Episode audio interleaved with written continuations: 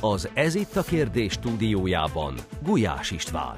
Az Árpádházi királyaink magukat Attila örökösének vallották, a Kárpát-medence meghódítása pedig Attila örökségének visszaszerzése volt. De szemben áll le egymással a hun hagyomány és az uráli nyelvrokonság elmélete? Ez itt a kérdés. Kezdünk. Érkezik hozzánk Pomozi Péter nyelvtörténész, aki szerint nincs ellentmondás mondáink hun hagyománya és a magyar nyelv finnugor nyelvrokonsága között.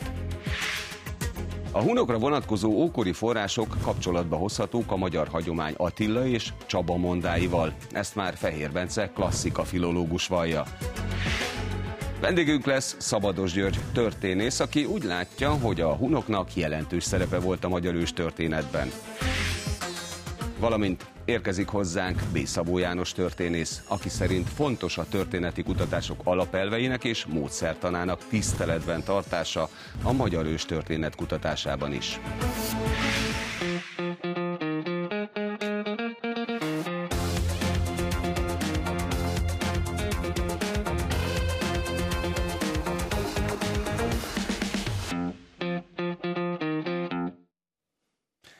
Estét kívánok, üdvözlöm a nézőket, és köszöntöm stúdiónk vendégeit. Szervusztok, köszönöm, hogy eljöttetek, és egy nagyon izgalmas témáról beszélgetünk. Eh, a hun-magyar rokonságról, amely nem kevés vitát eh, váltott ki az elmúlt időszakban. Sőt, gyakorlatilag nem csak a közelmúlt történetében, hanem az utóbbi 200 évben mindig eh, volt ezzel kapcsolatban valami purpárlé. Ilyenkor az szokott lenni az első kérdés, hogy vajon mi alapozza meg azt, és ez mindegyik kötökhöz szól, hogy mi a hunokkal valamiféle genetikai, eh, kulturális, nyelvi, vagy akár egészen édes testvéri viszonyban vagyunk. Kezdjük veled. Jó estét kívánok én is a nézőknek. Miután a kérdés összetett, ahogy föl is vetetted, nyilván szét kellene bontani tudományterületekre. Hadd utaljak így és Gyulának egy 1939-es tanulmányára, aki a magyarra, amiben Árpád Attila Ivadéka címen van egy rész, egyébként egy másik rész, majd a műsor későbbi felében szintén szeretnék fölemlegetni, ami arra utal, hogy a magyar folklorisztikában, a magyar néphagyománynak van egy nagyon erős hunszála, de természetesen a középkori magyar historiográfiának is van. Az érdekes ugye az, hogy az utóbbi éveknek a világszinten is új archeogenetikai kutatásai lehetővé teszik ugye a, a haplócsoport elemzést, és akkor kiderül, hogy ennek a, ennek a folklór hagyománynak és ennek a historiográfiai hagyománynak tulajdonképpen van ö, valamelyes genetikai megalapozottsága, és hogy ennek a statisztikai relevanciája mi, hogy ez így van, vagy nem így van, azt most hagyjuk, de függetlenül attól van olyan új tudományos eredmény, ami ezt alátámaszthatja, vagy legalábbis erősíti ezt a vonalat. És hát van egy másik dolog, amire talán szintén később kellene kitérni, hogy miért irgalmatlanul nehéz, csak nem lehetetlen a hun nyelv, mint olyan kutatása. Egyáltalán mi az, hogy hun nyelv, mikor ki beszélhette, ha beszélhette. Úgyhogy ebben most nem mennék bele, mert ez egy teljesen külön vonal, de ennyiből is látszik szerintem, hogy igenis van egy olyan folklorisztikai, historiográfiai szál, amire modern tudás is csatlakoztatható. György? Jó estét kívánok, köszönöm szépen a meghívást, és ez egy nagyon-nagyon régóta velünk élő identitás alapozó művelődés történeti kérdés, hogy mi közünk lehet a hunokhoz, de mielőtt megadnám az én magam személyes válaszát, azért induljunk el igen messziről, távol-keletről. Egyáltalán mi az, mikor és hol mi az, hogy hun. Hiszen ez is, mint egy létező történelmi politikai formáció, ez is térben és időben változott. Létezett, mint ahogy a magyar is folyamatosan változik, és mégiscsak van valami, ami a változásban egyfajta állandóságot, vagy folytonosságot, vagy részleges folytonosságot képvisel, ami nem kedvez a végletes leegyszerűsítő gondolkodásnak, akár ilyen nagyon túlturbózott magyar, akár ilyen nihilista, dogmatikus szélsőségeket tekintünk, tehát vagy a teljes kontinuitás, vagy a teljes azonosság. Nem. Itt folyamatosan lehet valami folytonosság, amire Péter már utaltál a folklorisztikában is egyre több nyoma van annak, de azáltal, hogy egyáltalán tisztázzuk miről is van szó. Milyen fajta identitásformák léteznek, és mi az, amiket sokszor össze lehet keverni. Itt hoztam egy idézetet Sema Chien-től, kínai történetírótól, és itt a Dujas Jung Horváth Izabella házaspár fordításának köszönhetően ezt a szakszerű magyarításban olvashatjuk. Az, hogy a Xiongnu, vagyis az ázsiai hun, most már ezt így fogom mondani, uralkodó kinyilvánította, hogy győzelme után mind a 29 meghódított nép Sungnu alatvaló lett. Most minden ífeszítő nép egy családba egyesült, és az északi részeken béke honol. Tehát itt nyilvánvalóan külön kell választani etnikai és állami identitásformát. Ezek nyilvánvalóan kölcsönhatásban állnak egymással, de ennek van más ellenkező példája, és ugrunk egy nagyot, 6. század elejére az utigurok és a kutrigurok, két hunutód, hunféle nép, és kiderül, hogy nekik csak a nevük különböző azért, mert más és más fejedelmek uralma alatt állnak, de nyelvük ugyanaz, vérrokonságban állnak, és a szokásaik is ugyanazok. Tehát különböző jelölő jelölhet, ha tetszik, etnikailag azonos népeket, és fordítva is. Itt hadd borzoljam még a kedélyeket azzal, hogy volt egy Kutrigur Hun király, 528 táján Fekete-tenger északi előterében élt. Bizánci lejegyzésben úgy szólt a neve, hogy Muagyeris. Erről bizony a legnagyobb magyar bizantinológus Marascsik Gyula mutatta ki, hogy ez bizony a magyar nevet tartalmazza, és nagyon sok esetben már másút is előfordult, hogy egy személy neve ráértődött egy nemzetség névre, majd hogyha az a nemzetség vezéri nemzetség lett, államszervező nemzetség lett, akkor ráértődött egy egész népre. Az, hogy jelen tudásom szerint én hogyan látom a hunok és a magyarok lehetséges viszonyát, hadd világítsam meg egy személyes példával engedtessék meg ez a fajta hasonlat. Van az a közösségi oldal, az a Szimpla Kék, ahol én az erdélyi ükapám képét használom profilkép gyanánt, mert a sajátomat eléget koptatom, azt ugye a testvérem jó voltából birtoklom. Ezt azért hoztam ide, mert az ükapám, ő nem én vagyok. Én nem ő vagyok. Viszont nélküle nem jöhettem volna létre. Tehát mi, magyarok, nem hunok vagyunk, mi magyarok vagyunk. De hunok nélkül nem jöhettünk volna létre, vagy legalábbis nem így jöhettünk volna létre. János, szerinted? Én azt gondolom, hogy a probléma gyökere az a 19. századi tudományosságnak a félreértéseiben Félreértése vagy politika? Mert azért nagyon sokszor jön az az összeesküvés elmélet, hogy tulajdonképpen a Habsburg birodalmi érdek volt az, amely megpróbálta a magyar én, én, én ebben az összeesküvés elméletben nem szorítani. hiszek. A, amikor elindultak a nyelvészeti kutatások olyan irányokba, meddig nem, és mivel a hunok nyelvéről senki nem tudott semmit, ez békésen összefért. Simán megajánlották a hunoknak azokat a nyelvi kapcsolatokat a kutatók. És ma se vagyunk ennél sokkal okosabb, ezt majd a Péter el fogja mondani. Tehát, hogy ez, ez akkor még messze nem a kizárólagos egyik irány és másik irány volt. Ugye két probléma merült föl. Egyrészt, hogy az ókortudomány elkezdte fölhalmozni azt a tudást, ami a kortás európaiak birtokában volt egykor az európai hunokról, és az nem tudott összetalálkozni a magyar krónikás hagyományban megőrzött hun történetnek a neveivel, a szereplőivel, az évszámokkal és minden egyebekkel, és az elég nyilvánvaló volt, hogy mondjuk egy kortás nyugatrómai forrásnak a tudósítása egy képzett történész számára az erősebb lesz, mint, mint az az állítás, ami mondjuk Kézainál vagy a Rónika kompozícióban található. Mert, és ezért mondom, hogy ez egy félreértés volt. Tehát a, a, az a nagyon egyszerű, nagyon lebutított, nagyon pozitivista értelmezés, hogy a magyar hunhagyomány az úgy igaz, ahogy le van írva, dátumostól, nevestől, mindenestől, az nem állta ki a történeti összehasonlításnak a próbáját, és hát kiöntötték a, a vízzel a gyereket is, mert ugye e, egy ilyen eredethagyomány, egy ilyen e, rokonsághagyomány, az nem feltétlenül abban a történeti formában igaz, eh, ahogyan azt mondjuk a 13. századi történész elődeink megfogalmazták a, a magyar történeti irodalomban. De persze benne volt a politika is, ugye erről elszokás feledkezni, hogy hát kinek a hagyománya volt a hun hagyomány. Ugye a magyar nemesség hagyománya volt. Hát 1848-ig a magyar nemzet az a, az a nemességet jelentette, és akkor rajtuk kívül mindenki más is lakott az országban. E, beszéljen bármilyen nyelvet, de ez nem az ő hagyományuk volt eredetileg. Ahogyan ez meg volt tételesen fogalmazva a, a szövegekben.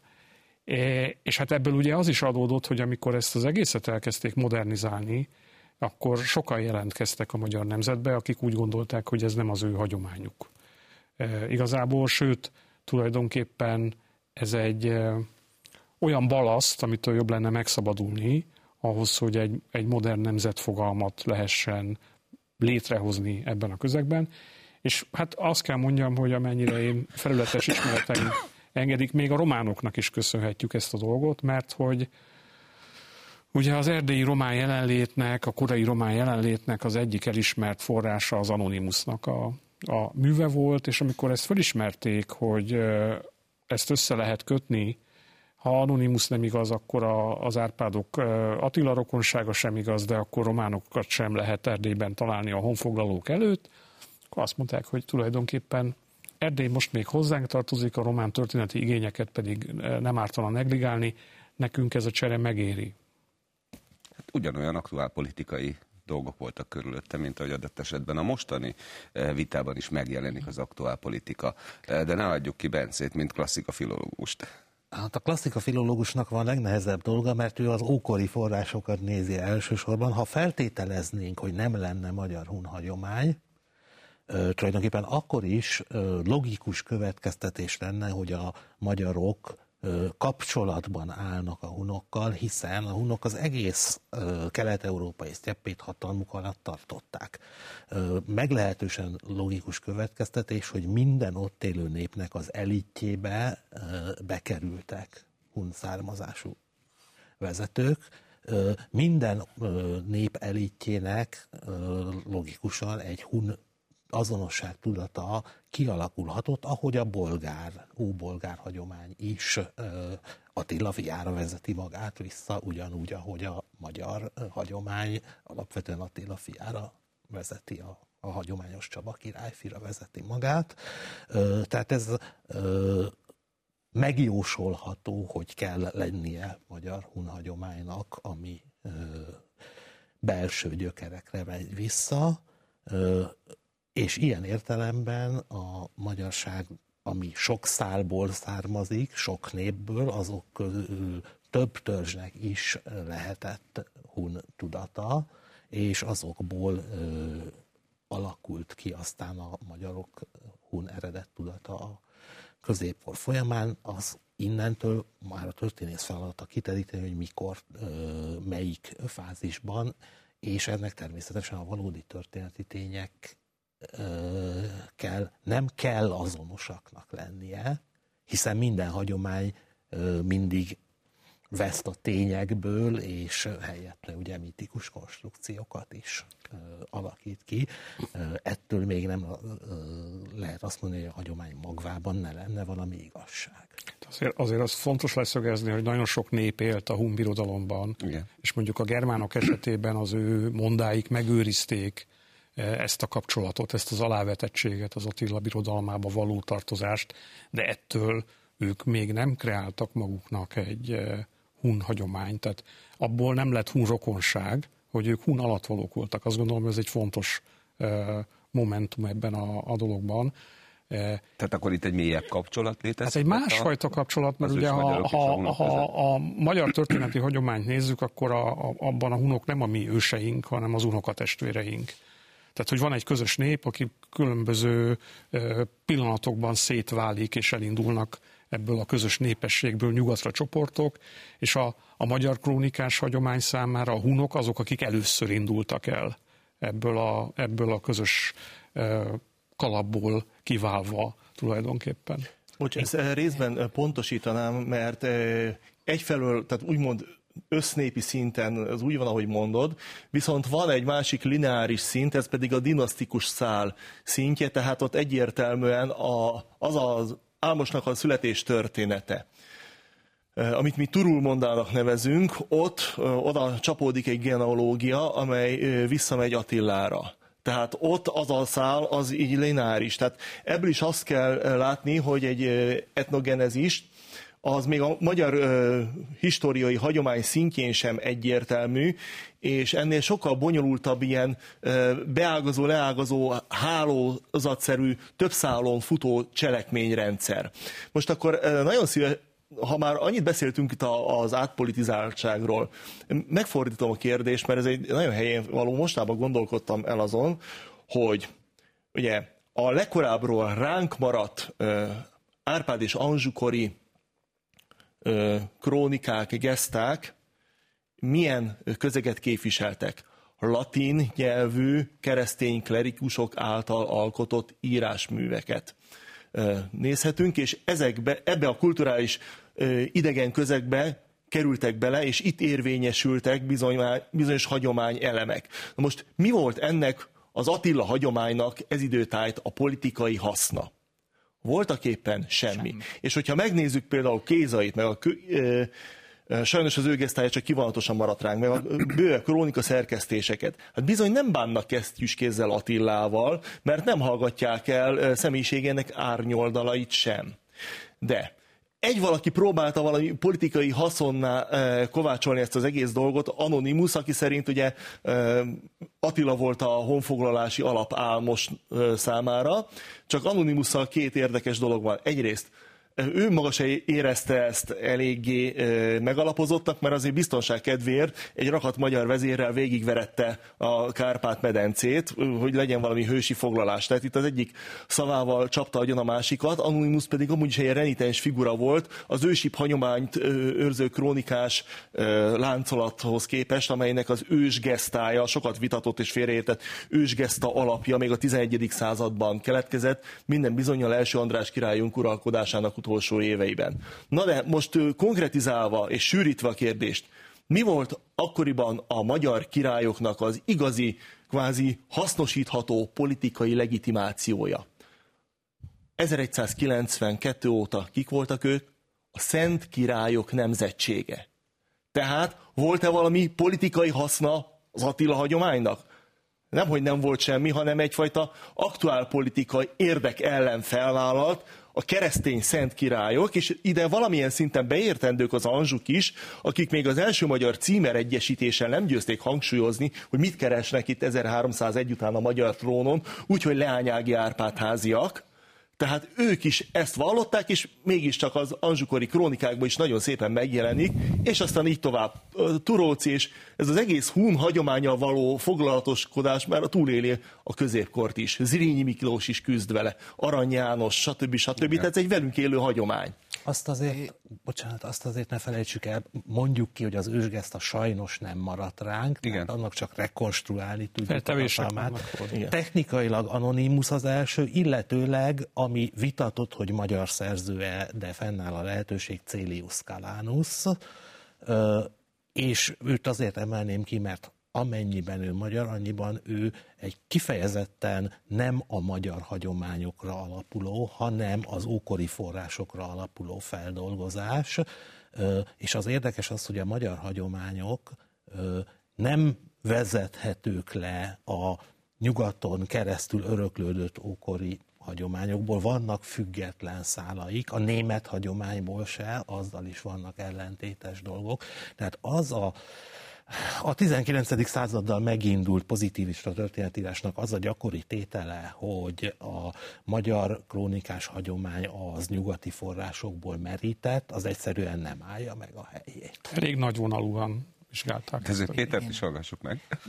Úgy gondolom, hogy egy fontos szálnak egy fontos vetületét elhagytuk itt, mielőtt tovább beveztünk volna a krónikás hagyománynak a részletes elemzésére, nevezetesen, hogy ennek a politikai motiváltságnak volt egy politikán kívüli egy tudománytörténeti oka is, tudnélik a magyar őstörténet, és itt nagyon fontos lesz az is, a magyar őstörténet is mindig is komplex, interdisziplináris kérdés kellett volna, hogy legyen, hiszen egy bármelyik eurázsiai, ma is létező, modern nemzettudattal rendelkező nemzetnek az őstörténete végtelenül bonyolult, és nem vezethető le retrospektíven egy 17-18-19. századi modern polgári nemzettudatból legalábbis lineárisan biztosan nem.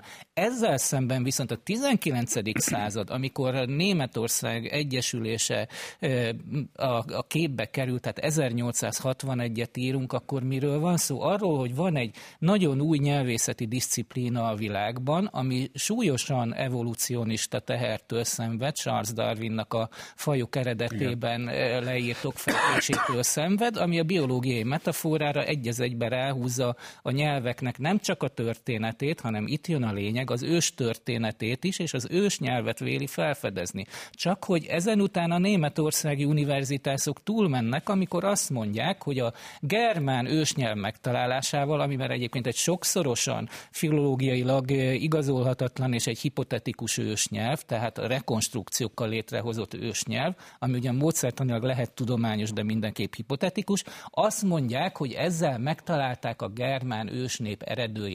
És itt jön az a probléma, a nép és a nyelv, az etnikum, a néptörténet és a nyelvtörténet történet közötti egyenlőséggel, amikor egy tudomány úgy gondolja, hogy ő király csináló az ős történetbe, és ezt pro és kontra is ragyogóan meg lehet lovagolni politikailag, amit meg is tettek.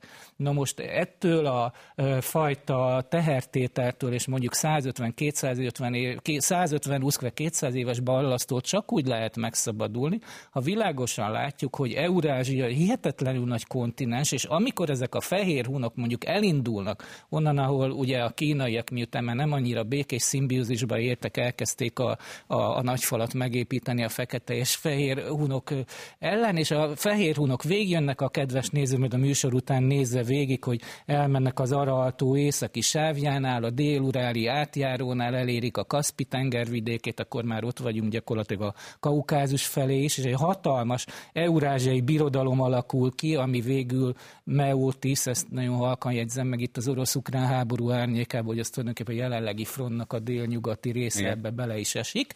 Eljut a Kárpát-medencig, akkor miről van szó? Arról, hogy itt lottóötös lenne, hogy egy ekkora birodalomban minden népnek és nyelvnek a története egy egyben lineárisan folytatódjék. Hát ennek a lottó ötös a valószínűsége. Tehát nyilvánvaló, hogy azért, mert az én szomszédom mondjuk 20 éve az utcánkban lakik, azért nem kell, hogy ugyanaz legyen a haplótípusa, csak azért, mert magyarul beszél semmilyen összefüggés nincs, tehát a néptörténet és a nyelvtörténet közötti egyenlősége radikális elvételével az összes ilyen félreértés megszüntethető.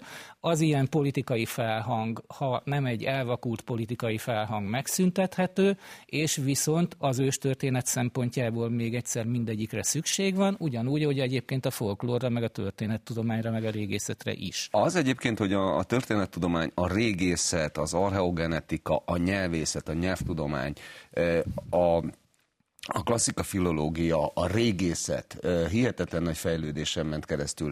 Ezeket a hipotetikus elemeket, amiről beszéltél, Péter, és amik, amik a mai napig egyébként olykor dogmaként megvan hogy nem, az a közoktatásból is nehéz kigyomlálni őket. Hogy ezeket sikerül lebontani azokkal a, azokkal a az általatok föltárt tényekkel, feltevésekkel, elvekkel, amelyeken most ebben az ügyben dolgoztok? Mert ugye neked az egyik alapvetésed az, hogy az nem zárja ki a hú magyar rokonságot, hogy mindeközben a magyar nyelv azért alapvetően finnugor nyelvekkel, így van, rokon. Ez, tehát az, hogy a magyar nyelvnek az alapszókincse az uráli nyelvekkel rokon alapszókincse, ez tényleg tény, tehát ez statisztikailag nem a rendkívül valószínű, hanem lényegében Jó, a biztos erre jönnek a, a, a, De semmiben nem mond ellen És akkor, akkor hagyd utaljak vissza, amivel... sokan azt mondják, hogy de hát az az ősebb, ősebb. E, igen, csak erre viszont, ami nem ennek a műsornak a témája, és nem is férne bele a keretébe, én nagyon szívesen elmondom egy másik műsorunkban, hogy itt viszont ennek megvannak a technikái, az évszázados technikái, amikkel teljesen egyértelmű, hogy mik azok a nyelvi rétegek, amelyek kvázi rok rokonítanak egy másik X nyelvet Y nyelvvel, és mik azok a rétegek, amik ebből a szempontból kevésbé lényegesek, vagy egyenesen indiferensek. De engedd meg, hogy egy pillanatra még arra visszakanyarodjak, hiszen ö, említettem, hogy I. Gyulánál érdemes, I. Gyulához érdemes lenne visszatérni. Ebben az emlegetett ki a magyarban 1939-ben ő egy fejezettel korábban arról ír, hogy ősi áldomás hallal vajjal vízzel, amikor finn író társaival ők halaznak, vajaznak, azaz kaláznak, volyoznak, keszivel, vagyis kézzel esznek, vészít vizet isznak, oda mennek menék az étterembe, és ez mind ugyanúgy van, nagyon édesen leírja, és erre jön a következő fejezetben Ilyesnél azt, amiből két mondatot, ha megengeditek, fel is olvasok, hogy Árpád Attila ivadéka, a történet nem két mondat elolvasható ki a magyarba, de ez a két mondat nagyon rímel mindarra, amit eddig itt elmondtunk. A néphagyomány szerint a magyarok azonosak voltak a hunokkal, mert tulajdonképpen ők szervezték és ők vezették azt a roppant áradatot. Hát ez egy kicsit nemzeti romantikus, de ezt most hagyjuk. A legújabb tudományos vizsgálat eddig csak azt igazolta ebből, hogy Árpád törzse hun eredetű volt, hogy maga Árpád valószínűleg közvetlenül Attila családjából származott. Tehát ezzel csak azt szeretném hangsúlyozni, hogy előtte egyel világosan megmondta, hogy micsoda szívmelengető érzés, hogy én egy finn keblére borulva, azonos nyelvet beszélve meg tudok vacsorázni, és ez végtelenül nem áll ellentétben azzal, hanem tökéletesen egybesimul a nagy eurázsiai bonyolult őstörténeti valóság miatt, azzal a tényel, hogy Árpád törzse hun eredetű volt. Mennyire fontos a néphagyomány és a romantikusan feldolgozott néphagyomány, ugye a csodaszarvas mond a oh. Hunor Magor, Magor története e, ebből a szempontból. Tehát, mert, mert ugye e, pont amiről beszéltetek a, a, a középkori e, krónikásoknak a leírásait, azért nagyon sok helyen előfordul, hogy a, a nép naív történeteit nem vehetjük komolyan alapvetően fontos. Itt most nagyon sok mindent mondtál, kulcsfogalmakat, és hát amit is alapvetően ö, megkerülhetetlen szempontokra hívtad fel a figyelmet, akkor vegyük sorba tényleg a lehető legnagyobb rövidség kedvéért. Rövid válasz, megkerülhetetlen. Szakszerű feldolgozással viszont amit a folklorisztika mondhat, és nekem nagyon nagy előnyöm van, mert én alapvetően erős Hoppál Mihály diétán vagyok, kedves főtanár urunk a régi szakmai baráti kapcsolatban, hogy a magyarságnak, mint népnek, mint ön, önmagát kifejező etnikai tudatú népnek a mitikus eredet története a csodaszarvas monda. És ennek a legmélyebb, legközelebbi motívum párhuzamai egyértelműen a törökségi sztyeppei népekhez vezetnek minket. Most legújabban... Kutrigurok és kutrigurok. Magyarán. Is a Prokopiosztó, de legújabban most még a kaukázus vidékéről, itt főleg Agócs Gergely és Sonfai Karadávi gyűjtéseit lehetne említeni, tehát a karacsály balkároktól a, a bínöger történet, ami félelmetesen erős köze van. Tehát a magyar történetileg és ős mitológiailag egyértelműen huntörök vagy törökségi nép. Ez nyilvánvalóan nem mondhat ellent az uráli kapcsolatoknak, nyelvi kapcsolatoknak se. Elég, hogyha ránézünk a térképre, hogy van-e valami ilyen virtuális kínai nagyfaj vagy Himalája, ami itt a különböző régiók népeit elválasztja nincs semmilyen. Ugyanakkor nagyon messzire vezetnek a, a népzenei szokás párhuzamok. Ez nagyon fontos, ez jutott eszembe, hogy ugye az anatóliai törököket nyugodtan nevezhetjük modern törököknek, tehát ez valamilyen módon e, nyilván leszármazottai a, a türköknek, az ősöknek, de Bartók Bélának a kutatásai egyértelműen kimutatják, hogy az ottani e, zenei kincs, népzenei kincs és a magyarországi ősi népzenei kincs, tehát a pentatónia, pentatóniához kapcsolódó e, dallamok, azok nagyon-nagyon, sőt azt, azt meghaladók is nagyon-nagyon közeli rokonságban vannak, sőt, megfelelések vannak. És így tovább, erre jönnek rá még Agócs Gergely gyűjtései Közép- és Belső-Ázsiából, Dujasiong gyűjtései tényleg a már kínai mongol régióból félelmetesen erőteljes népzenei párhuzamok is vannak, amelyek ezekbe a régiókba vezetnek minket, tehát dőlnek be az adatok, csak ezeket az adatokat a maguk helyén kell kezelni. És nagyon is, hogy mennyire szükséges a fogalmi tisztázás, ugye van a közbeszédben egy jó szándékú, de nagyon-nagyon káros törekvés, hogy mítosztalanítsunk. Ez azért nagyon káros, mert a mítoszt az városi legendának, mesebeszédnek, hamisítványnak veszi nem, a mítosz az nem azt jelenti. A mítosz az egy megalapozó, történeti sűrített múlt, egy identitást adó szöveg, a kultúrának a hosszú távú emlékezete.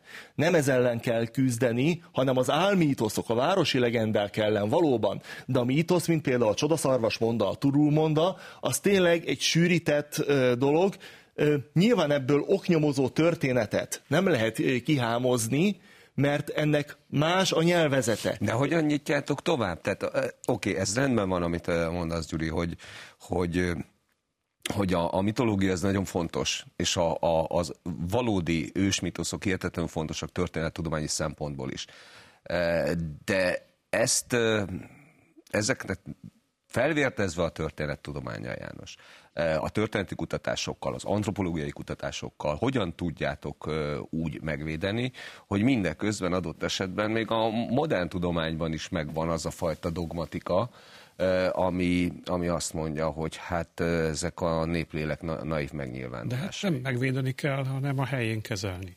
Tehát, hogy szét kell választani, hát, ezt próbáljuk sugalni. Jó, de az, keresztül... aki azt mondja, hogy ez, ez, ez a naív megnyilvánulása a népléleknek, akkor ezek szerint ő nem kezeli a helyén? Abszolút nem, mert ki beszél itt a néplélekről? Tehát ki gondolja azt, hogy egy 13. századi írott szövegben a néplélek manifestálódott? Hát azok alapján, amit Na de, de ugyanakkor, bocsáss meg, azért az is egy tény, hogy a, a, a most a kedves nézők kedvéért ezt is most nagyon egyszerűsítem, hogy a, ami évezredeken, vagy legalább egy ezer éven keresztül a folklórban is nyomon követhető, az ritkán hazudik. Igen, hát főleg, hogyha a, a közvetlen szövegkapcsolatok kizárhatók, mert például itt van a, a magyar és a, a Karacsály-Balkár csodaszarvas monda, könnyen belátható logikailag, hogy nem arról van szó, hogy a Kézai Simon kiment volna gyűjteni, vagy azok a kaukázisi atyafiak eljöttek volna ide, és akkor titokban kiegyzetelik a Kézai gesztáját. Tehát, hogyha nincs direkt szövegkapcsolat, akkor ez egy közös őstől, közös kulturális közösségtől van.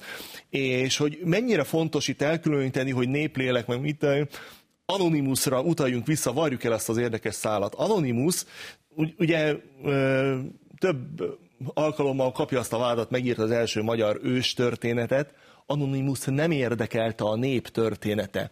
Anonymus, aki leírta például Koker az Álmosnak az Attila származását, hányszor írta a hun népnevet? Egyszer se. Ez egész nem érdekelte. Van Anonymusnál csodaszarvas monda? Nincs. Tehát itt Anonymous egy elitista, monarchikus, arisztokratikus történetet adott. A Csodaszarvas monda a régi krónika szerkesztésekben van, és jó lehet az ősgeszta, a feltételezhetően első András kori ősgeszta valóban önálló formában nem maradt ránk, és tényleg csak többszöri vitás mert a tudományban helye van a vitának. Vitás rekonstrukciók révén kaphatunk róla képet, hogy nagyjából is egészébe véve mi minden tartalmazhatott, de többszörös átszerkesztés révén igenis a tartalma ránk maradt. A legkésőbbi ilyen, amit egyébként kiszoktak kiáltani ősgésztának a Tarihi Jüngürüsz, az egy ilyen Székesfehérvárot megtalált krónika, török nyelvű nem is lefordítás, inkább ástilizálása. Na ez viszont egy városi legenda, hogy az lenne az ősgeszta. Nem. Az is nyomokban ősgesztát tartalmaz, de az áll a legtávolabb az ősgesztától. És visszatérve, visszatérve a kérdéshez, tehát nem úgy általában van az elvetve, hogy a igricek csacsogó énekei, az Anonymusnál van. Tehát, hogy világosan elválik, hogy ő egy korai történész, aki kizárta a saját felfogása szerint ezeket a mitológikus elemeket a történetből, és egy nagyon purifikus művet alkotott ilyen szempontból, amiben elhagyta ezeket a mitológikus vonatkozásokat. Ezzel együtt... Jó, de a, bocsáss meg János, de ugyanakkor meg ott van a 12. század közepe, 1150, második Géza királynak a, a, a testvére, ugye Zsófia hercegnő, ő pedig a magyar uralkodókat, a magyar királyt, Géza királyt, a, hun, a hunok királyának nevezi. Egyértelműen. Hát nevezhette ettől függetlenül. Igen, az egyik levelében az, a, Így van. amikor szegény Zsófiát kisemmizték, ugye, mert a, a, a pénz kellett a nő, nem? Már bocsánat, tehát Igen. ugye illetszegénykém Admonti apáca, akkor Gézának írta a, a, magyar, a hunok királyának, és akkor vegyük ezt Ezzel korábban. egyébként ez egy, ez egy hatalmi pozíciót próbál jelenteni. Tehát azért az 5. században a hunok nagyon odavertek e, Nyugat-Európának és a római birodalomnak, ad... tehát ezzel gyakorlatilag ő De erőt Ez azt feltételezné, hogy te azt gondolod, hogy 1700 évvel később ezt mindenki tudja. Mert hát vannak mindenki. tankönyvek, meg van uh, History Channel, meg van minden, de ez mind nincs. Még, még az is probléma, hogy egy kronológiát csináljanak.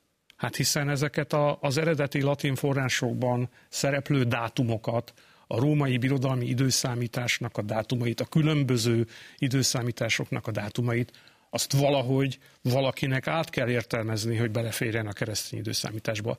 Tehát, hogy az, ami a te fejedben van erről, az a középkor embereinek a fejében nincs ott. Egy nagy massza van legjobb esetben is. A, ne, nem mindenki de, tudja. A, család, a, a családi azért, hagyomány azért, az bizony azért, tudja. Igen, azért, a családi hagyomány. És még egyszer hadd hangsúlyozzam, hogy egy admonti apácáról van szó. De menjünk még korábbra. Ugye az Attila kardja a dolog, ami uh, Nordheimi uh, Otto Bajor herceg uh, sztoria, neki nem jött be az a kard, annyira a Hersfeldi Lambertnél egy 11. századi krónikásnál maradt fenn, hogy van egy kard, mondjuk a Bécsi Szabi, ami nyilvánvalóan nem 5. századi, de ráértődött egy hagyomány. Az Attila kardja hagyomány. Ezt a kardot adta Anasztázia anyakirályné Nordheimi Otto Bajor hercegnek azért jutalomból, hogy visszasegítette a trónra fiát Salamont, első András királyunk árváját. Tehát most akkor honnan tudhatta Anasztázia, hogy van egy ilyen Attila kard sztori? A kievi udvarban, ahol nevelkedett? Nem. Három év ö, német úgymond számüzetésbe első Béra király uralkodási ideje alatt jegyzetelte ki a német kronikákat? Nem. Kizárásos alapon az első Andrással ö, folytatott másfél évtizedes házassága alapján volt alkalma és módja értesülni, arról, hogy van egy uralkodóház, amelyiknek van egy Attila hagyomány, és ennek egy apró szelete, az Attila kardja, ez megjelent egy német történet. Én, én azt hát gondolom... A, erre a diszkontinuitás, kontinuitásra két, nagyon két, két, két, két szempontom lenne, és rövid leszek szokás szerint. Az egyik, hogy ne értékeljük már le a folklór szerepét annyira, hogy tudnik a folklór kontinuitása az lényegében elvitathatatlan. Ez az egyik szempont. Tehát anonimus attitűdjéből nem lehet a folklórhoz közeledni, a folklór Igen, hagyományhoz. Másik Semmi szempont, sem. hogy én elmegyek Akviliába ma, pontosan, Igen. elmegyek ma 2023-ba a leánykámmal ott az altemplomba, és látjuk azt a kékre vált szerencsétlen szerzetest azon a ragyogó harmadik, negyedik század forduló őskeresztény szekkon, amint a hátrafelé nyilazó hun harcos éppen kifeszíti rá a nyilát, és a halál előtti három másodpercében van az nem, az ugyanezt a templomot végignézhette a késő középkor, a kora középkor, a közép, közép, a késő középkornak minden ember, aki az akviléjai templomban lement. Tehát valamilyen Tehát vizuális szinten hisztéri... ez a fajta, ha hisztérikus volt is, vagy ilyen volt, vagy olyan volt, de egyfajta kontinuitás volt. De azt akartam mondani, hogy volt egyfajta history channel. így, így van, mert hát kontinuitás abban volt, hogy vizuálisan ez megjelent, így és azt szerintem tudták, hogy ez mire utal. Bence? Hát most akkor eljutunk ahhoz, hogy az olasz hagyományban Attila a létező legfeketébb, annál feketébb már nem lehet. Igen, igen. Ezzel szemben a magyar hagyományban és részben a német hagyományban is egy alapvetően pozitív alap. Én most hadd mondjam, térjek rá egy gyakorlati példára, egy, egy elég kényesebb példára a hagyományból, hogy hogy lehet össze, hogy áll szemben a különböző népek hagyománya és a történeti igazság a hunmondának az a az eleme, a magyar hunmondának az, a, a keveháza eleme, amikor keve kapitány át kell a Dunán és leveri a római csapatokat, ez így ebben a formában egyetlen népnek a hun hagyományában sincs, és egyébként a történeti elemekkel sincs semmi megfogható össze ö, ö, kapcsolódása, hiszen ö, Pannoniában a hunok gyakorlatilag nem harci cselekményekkel jöttek be, gyakorlatilag megegyezés útján szerezték meg a tartományt, miután rómaiak már a germánok ellen sem voltak képesek megvédeni. Ö, a német hun hagyományjal van kapcsolata, hiszen ott a német, de ott a germánok vívnak nagy csatát a hunokkal, abból átemeltek neveket. A, a Detre Szász, ugye az a Dietrich von Bern, az a germán hagyományból jött. A valóság alapja nulla, hiszen ez Nagy Teoderik, aki Attila halála után született. Viszont van benne olyan elem, ami csak a magyar hagyományban van, de egy kérdésben a történeti tényekkel meglepő elemet mutat az, hogy a győztes hun király, aki a magyar hagyományban a keve, az Attilának nagybátyja, majd valami megfoghatatlan okból, amit nem tudunk, nem Attila apja, a még életben levő Muncsuk, a magyar hagyományban levő Bendegúz örökli a trónt, hanem a testvérpár, ez gyakorlatilag megfelel. Hát Attila és Buda. Igen. Gyakorlatilag megfelel a történeti ténynek, de nem vehették semmilyen nyugati krónikából, abban az időben szinte kizárólag Jordán ezt ismerték, akinél ez nem szerepel. Ez egyetlen, a már említett Célius Calánus volt, aki a előásott más forrásokat is, és ismertette ezt, de ő más neveket ad, ő a korrekt ókori neveket, ismeri. Oktár Hun király nevét ő ismeri, amit a magyar hagyomány nem. Tehát nem is onnan származott. Szóval én oda szerettem volna visszakanyarodni, hogy ez egy nagyon tagolt társadalom. Különböző eredetű csoportoknak a konglomerátuma. A dinasztia múltja, az, ahogy az Anzsuknál nyilvánvaló, ahogy a luxemburgi esetében nyilvánvaló, nem kell, hogy korreláljon az alatvalóknak a, dolgaival, és még a különböző eh, résztársadalmi csoportoknak a múltjának sem kell összetartozni. Tehát amikor mi azt mondjuk, hogy egy magyar társadalom és egy hagyomány, akkor azt gondolom, hogy tévútra visszük a gondolkodást. Mert polgári nemzetfogalom, mert hogy ez egy, igen, mert hogy ez egy bonyolult, sokrétegű társadalom, sokféle hagyományjal, amik ráadásul kontaminálódnak is folyamatosan az együttérésnek köszönhetően, és sokkal tehát lehet a történész nagyon magabiztos, és mondhatja azt, hogy mi pontosan tudjuk, hogy megfejtettük a, a társadalmi hátterét egy-egy történeti munkának, hogy ezt a gesztát ezért írták, azért írták, ez külön 89 előtt nagyon népszerű volt, hogy megmondják, hogy ki melyik népcsoportnak, meg társadalmi csoportnak a szószólója. De, a politológia. De, de valójában pontosan. Nagyon jó. De, mint hogyha kiáltványokban működött volna egyébként egy alapvetően írástudatlan társadalomnak a politikai élete, Szóval ez egy nagyon szépséges értelmiségi elgondolás volt erről, de ennek nincs köze a valósághoz, viszont olyan szempontból meg fontos, hogy az, amit mi most egy halmazban látunk, és egy közös öröksége a mai magyarságnak, az egyáltalán nem biztos, hogy akkor és ott a 13. században, a 12. században ugyanilyen közös öröksége lett volna az akkori társadalom minden csoportjának. Nyilvánvalóan... De, bocsánat, ne arra Gyuri, de, de ez azért érdekes, mert azért, hogyha megnézzük a, a magyarság történetét, eh, akár, akár az önmagát eh, különálló eh, népnek tekintő székelység történetét is, bár nyilvánvaló a rokonság a, a kettő között. Azt láthatjuk, hogy azért a, a hun-magyar kontinuitás, Attila, Csaba királyfi, azok mind valamilyen módon identitásképző erőt jelentenek. És ez olyannyira így van, hogy a Hun mondakör, és most már térjünk vissza a folklorisztika ö, szférájába, hogy nem mindig az elitet tekintjük, ez a Hun mondakör, ez igenis mélyen, illetve néhány eleme, motivum párhozama a magyar társadalom különböző rétegeiben, külön, térben, időben, egymástól távol álló helyeken felbukkan. Most a folklorisztikáról essék a szó.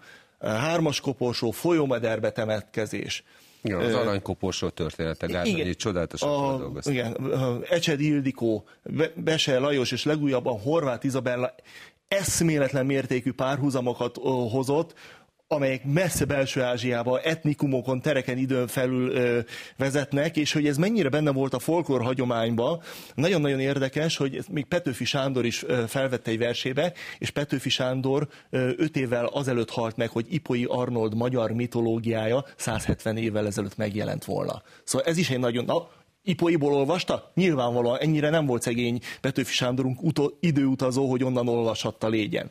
De aztán, hogy messzire vezető párhuzamok a, a fentebbi elitszférába is megjelentek, ezek nyilván nem direktben etnikum jelölő, inkább kulturális kapcsolatokat bizonyító párhuzamok. Azért fogalmazzunk óvatosan és felelősen. Kigyűjtöttem kettőt. Van ez a klasszikus Szent Istváni 1 per 16-os törvénycikk a kard kirántásáról. Teljesen megtiltjuk, hogy bárki kardot ráncson valaki sérelmére. Amit, ha valaki ezután vakmerősége ösztönzésére megkísérelne, ugyanazzal a karddal veszejtsék el. Mit olvasok Csiennél, ugye az ázsiai hunokról?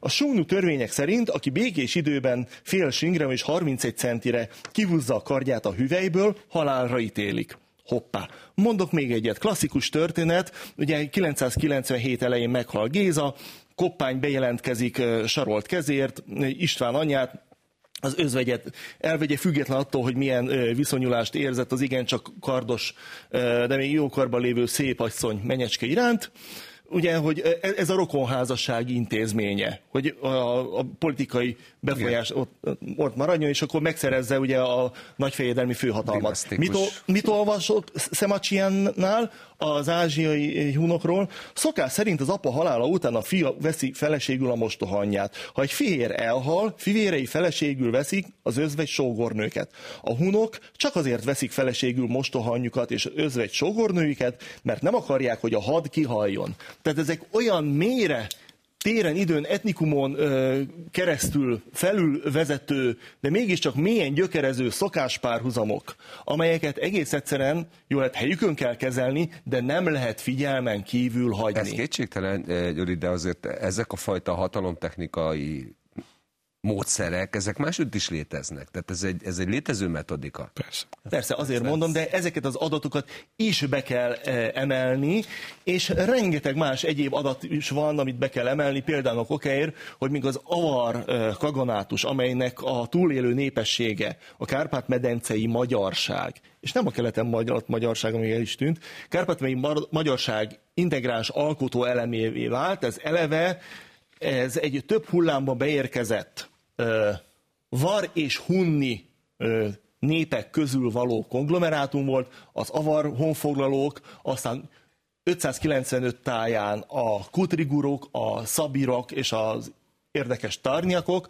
aztán 670 táján ugyebár az onogurok, a, még László Gyula kettős honfoglalás elméletének egyik pillérét, hogy aztán például Kokári 870-ben vagy 871-ben a bajorok és a karantánok megtéréséről szóló egyházi irat a jelen idő erejével mondja azt, hogy a frankoknak ö, ö, meghódolt keresztény élet hunok, a földjeiket mind a mai napig birtokolják.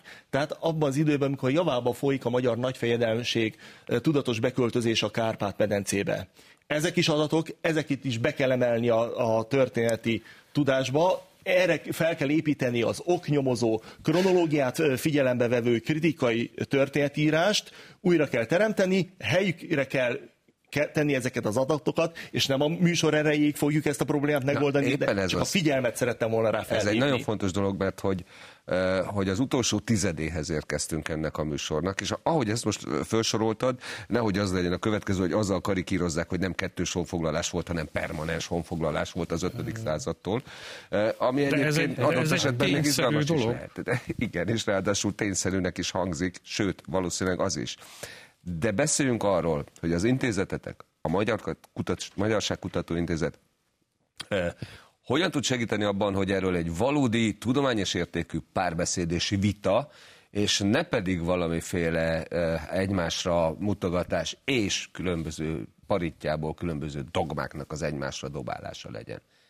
Tehát ez egy nagyon fontos dolog. Tehát itt uh, tényleg a tudomány szentsége az, ami igényelni azt, hogy ezt a fajta tudást, meg adott esetben uh, az akadémikus tudást uh, megfeleltessék egymásnak, megfeleltessék egymásnak. Parancsolj. Visszakanyarodnék a 150-160 évvel ezelőtti problémakörhöz. Először is nagyon világosan kell kommunikálni egyrészt a idézőjelben magas tudományokban, másrészt pedig a népszerűsítésben, tehát a tudomány népszerűsítésben azt, hogy az őstörténet valóban rendkívül összetett, hiszen Eurázsiának a története, mint egy hatalmas kontinens láncnak a története is végtelenül bonyolult, és itt az etnikai, a folklorisztikai, a nyelvtörténeti, a történeti és az archeogenetikai szálak, azok, azok ez az egésznek a, ez, ez a csodája, és ezért lesz itt még hosszú száz éveken keresztül munkánk, mert ez egy végtelenül bonyolult történet, mint ahogy a magyar őstörténet is végtelenül gazdag és bonyolult. a mérés tudomány növekedésével, vagy fejlődésével együtt. Hát egyre több új eredmény egyre több új elemet lehet És egyre több új nyitott kérdés is lesz, ha úgy tetszik, mert mindig felvetődik, hogy még itt miért nem volt voltunk még, ott miért nem voltunk, tehát még ezt is hozzátehetjük, hiszen most például Mongóliából vagy Kínából vannak mondjuk minták, de hát lehetne az egész hun birodalom hatalmas területéről archeogenetikai mintákat venni, és lehet, hogy még érdekesebb, még színesebbé válna a kép. Viszont ami nagyon fontos, hogy akármilyen összetett és akármilyen bonyolult ez a feladat, két dologról nem szabad lemondani a forráskritikáról és a módszertanról. Tehát ez az, ami a tudomány etikát és a tudomány korrektségét megkülönbözteti attól, ami nem tudomány, és nyilvánvaló, hogy a Magyarságkutató Intézet nem engedhet meg magának olyat, hogy elmenjen egy áltudományos irányba, hiszen akár történészekről, akár folkloristákról, klasszikafilológusokról, vagy nyelvtörténészekről beszél beszélünk, alapvető kérdés a forráskritika, a forrás ismeret és azoknak a megfelelő módszertani kezelése, ami hozzáteszem, hogy minden szakterületen rendkívüli iskolázottságot kíván, pont azért, mert ez egy nagyon összetett és bonyolult, és ezért gyönyörű kérdés. És, Kérd az utolsó fél perc, János. Köszönöm szépen. Szóval Gyuri felsorolása lehet, hogy hosszú és bosszantó, de világosan tükrözi, hogy a Kárpát-medence, a Kárpátok az nem egy határ, az nyitva van évszázadokon keresztül. Nem, az egy folyosó. Hanem egy, egy folyosónak a része, és a hunok csak egy eleme ennek a hosszú-hosszú vándorlási sorozatnak. Rengeteg alkalommal, rengetegféle népesség érkezik ide, aki mind hozhat keletről hagyományt, folklórt, nyelvet, bármit. Tehát ez nem... Hozott is. És hozott is, nyilvánvalóan. Nagyon szép feladat visszafelé fejteni, hogy kihez mi tartozik ebből. Ez volt az Ez itt a kérdés veletek. Köszönöm, hogy eljöttetek, és nem fejezzük be, mert nem először beszélünk a Magyarság Kutatóintézet különböző eredményeiről. Köszönöm, hogy itt voltatok, és ez volt az Ez itt a kérdés, mondom a nézőknek is. Műsorunkat újra nézhetik a mediaclick.hu oldalon és a Youtube-on, valamint meghallgathatják a Spotify-on. Provokációnak számítanak-e a vallási szimbólumok és szobrok? Az Ez itt a kérdés holnapi adásában. Erre a kérdésre keressük majd a választ, tartsanak velünk akkor is. Én kollégáim nevében is köszönöm mai megtisztelő figyelmüket. Viszontlátásra!